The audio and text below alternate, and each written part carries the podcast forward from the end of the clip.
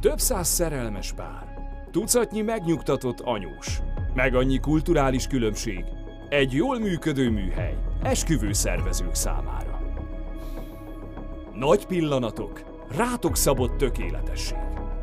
Az esküvő biznisz titkos arca a színfalak mögött. Ismerd meg te is az igazságot. Bárány Szilfai Alida, esküvő szervező oktató segítség. Smart Bride Podcast. Az okos menyasszonyok választása. Sziasztok! Én Alida vagyok, és ez a Smart Bride Podcast harmadik adása.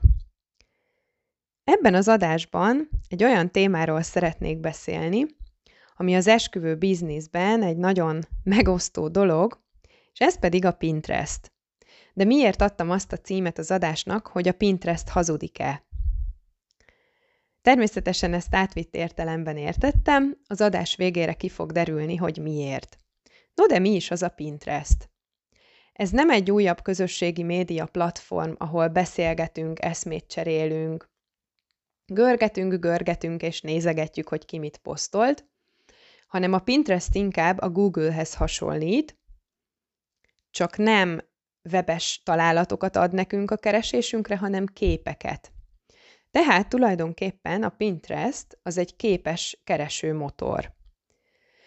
Ugye az esküvőhöz ez egy rendkívül jól passzoló dolog, hiszen a menyasszonyok általában úgy kezdik az esküvő szervezését, hogy felmennek a Pinterestre, keresgélnek, nézelődnek, és ott próbálnak inspirálódni abban a tekintetben, hogy milyen stílusú esküvőt szeretnének. Erre egyébként valóban tökéletesen jó a Pinterest, beírja a keresőszavakat, zömében érdemes angolul beírni egyébként, és meg fogja találni azt a stílust, ami neki tetszik a keresőszavak alapján, majd a képeket egy úgynevezett táblába tudja rendezni, és ezt a táblát később link formájában át tudja küldeni bárkinek. Tehát meg tudja osztani azzal, akivel szeretné azt, hogy neki milyen esküvő tetszene, milyen stílusú esküvő. Nagyon-nagyon sok kép található a Pinteresten, tulajdonképpen ez egy inspirációs fotógyűjtemény, amiben bárhogyan bármire rákereshetsz, és megtalálhatod azokat a képeket, azokat a stílusokat, amiket te szeretnél viszont látni az esküvődön.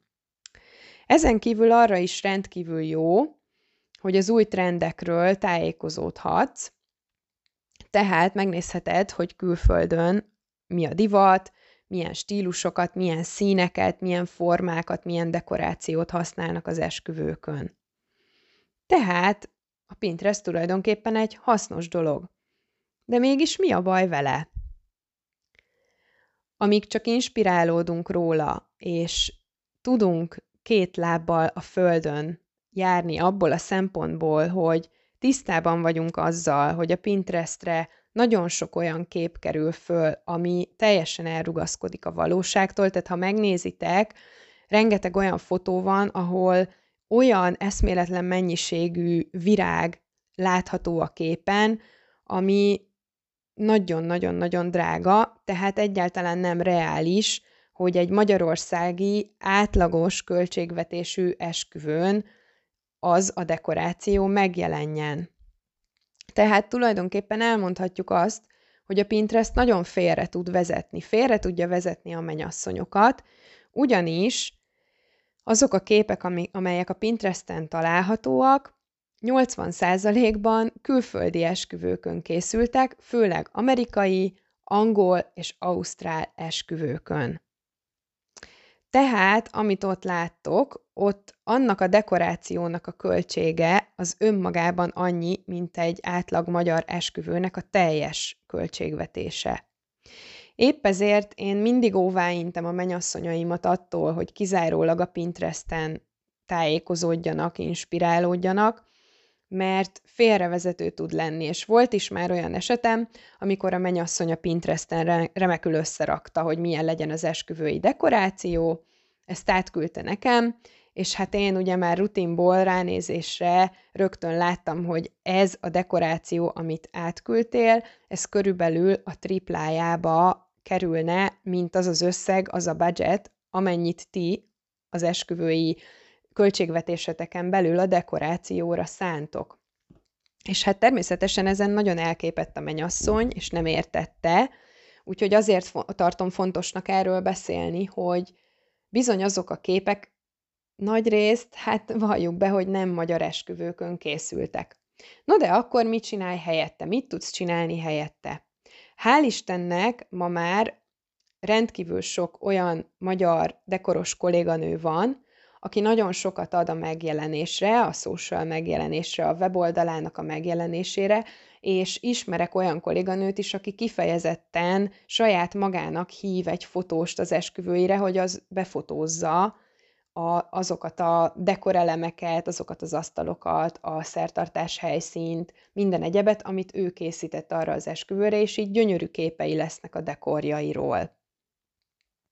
Tehát érdemes magyar dekorosok, magyar esküvői dekorosok munkáit megnézni, és inkább onnan inspirálódni, mert az lesz az a magyar valóság, ami a realitást tükrözi. Tehát sokkal könnyebben fogsz tudni ö, inspirálódni, és ö, két lábbal a földön maradni, hogyha a magyar dekorosok képeit nézed. Ezen kívül, amit még ajánlok neked, hogy a magyar fotósok, magyar esküvői fotósok teljes galériáit is nézegetheted, mert ott is meg fogod találni a dekorról a képeket, hiszen a fotósnak ez egy külön kis feladat az esküvő napján mindig, hogy a dekorációt befotózza. Ezen felül nyugodtan nézegetheted a helyszínek képeit is. Ez már csak azért is jó, mert akkor külön meg tudod azt nézni, hogy az adott helyszínhez milyen dekoráció illik. Tehát például egy természetközeli, pajta jellegű helyszínhez, ahol mondjuk sok a favoritás, nem biztos, hogy a nagyon elegáns, magas virágdíszek fognak illeni, illetve színben is, ugye, hogyha megnézed a képeket, hogy a helyszínen milyen színű dekoráció volt eddig, akkor látni fogod azt, érezni fogod, hogy mi az, ami oda igazán passzol. És hát ugye ez azért is fontos, mert azt is látni fogod, hogy mi az, ami megvalósítható, mi az, ami, ami tényleg reális. Tehát nyugodtan lehet inspirálódni, használd bátran a Pinterestet, de tartsd szem előtt, hogy azok a fotók zömmel nem magyar esküvőkön készültek, tehát nem a magyar valóságot mutatják.